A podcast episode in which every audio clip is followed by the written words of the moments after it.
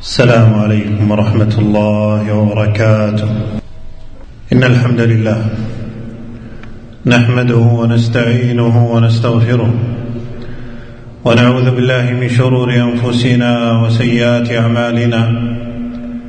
من يهده الله فلا مضل له ومن يضلل فلا هادي له. وأشهد أن لا إله إلا الله وحده لا شريك له.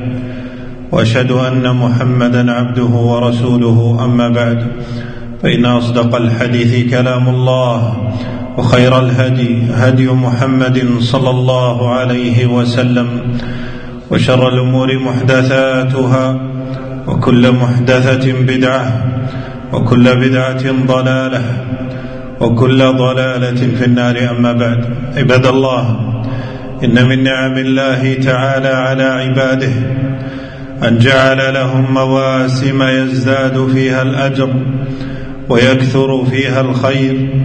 فمن استغلها فيما شرعه الله فهو من الموفقين. ومن فرط فيها فقد فاته ما قد لا يدركه مرة أخرى. وها نحن عباد الله مقبلون على أيام مباركات. اختارها الله تعالى واصطفاها. وجعلها أفضل أيام السنة على الإطلاق وهي أيام العشر الأول من شهر ذي الحجة.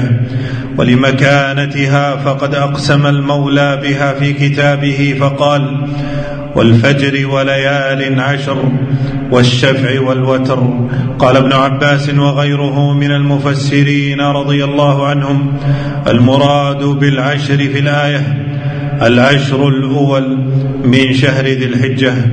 وإذا علم العبد أن العمل الصالح يحبه الله تعالى في هذه الأيام أكثر من غيرها اجتهد العبد فيها في الطاعات وازداد في القربات.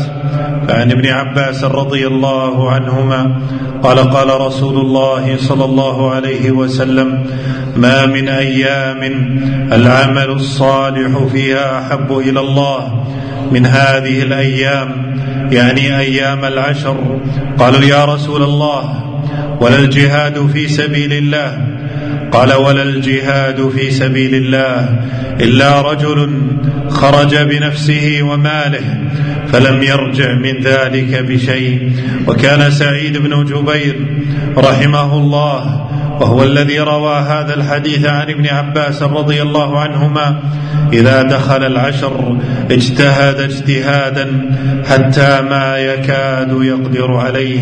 ومن تأمل هذه الأيام وجد أنها وجد أنها تجتمع فيها أنواع العبادات ويجتهد المسلمون فيها بالطاعات ففيها الصلاة والصيام والحج والذبح وغيرها من الطاعات الجليلة والعبادات العظيمة بل جعلها الله تبارك وتعالى موسما لحج بيته الحرام وجعل فيها أيامه العظام.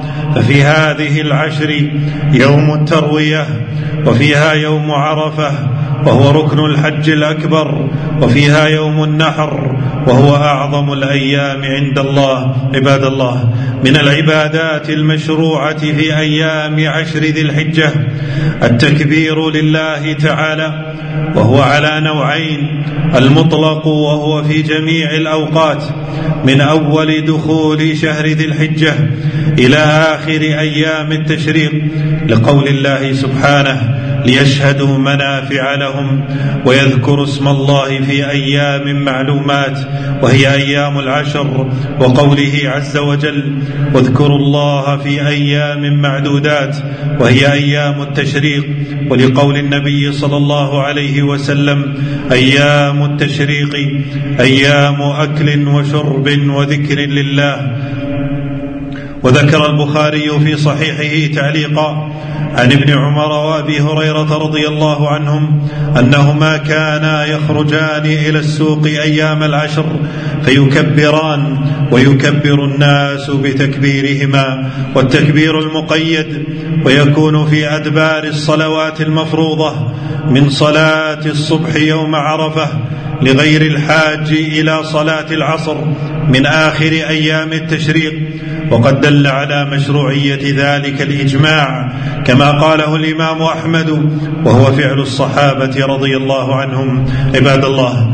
ومن الأحكام الشرعية التي تتأكد معرفتها في مستهل هذه الأيام ما روته أم سلمة رضي الله عنها أن النبي صلى الله عليه وسلم قال إذا دخلت العشر وأراد أحدكم أن يضحي فلا يمس من شعره وبشره شيئا. وفي رواية إذا رأيتم هلال ذي الحجة وأراد أحدكم أن يضحي فليمسك عن شعره وأظفاره فمن أراد أن يضحي يتأكد في حقه إذا دخلت العشر الا يأخذ من شعره ولا من أظفاره ولا من جلده شيئا حتى يضحي. وهذا حكم خاص بمن أراد أن يضحي. ويخطئ من يظن أن إمساك المضحي إحرام بل يجوز له الطيب والجماع وغير ذلك مما يمنع منه المحرم. ومن أخذ من المضحين من شعره أو أظفاره فليس عليه كفارة فإن أضحيته مجزئه وعليه التوبة والاستغفار. أقول ما تسمعون وأستغفر الله العلي العظيم من كل ذنب فاستغفروه إنه هو الغفور الرحيم. الحمد لله الصلاة والسلام على رسول الله.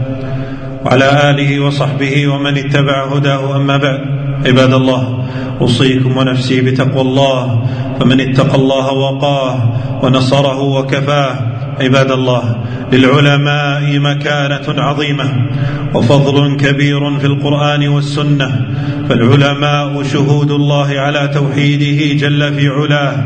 قال تعالى شهد الله أنه لا إله إلا هو والملائكة وأولو العلم قائما بالقسط لا إله إلا هو العزيز الحكيم وإن المسلم ليتقرب إلى الله عز وجل باحترام العلماء وتوقيرهم بلا غلو ولا جفاء ولا انتقاص ولا ازدراء.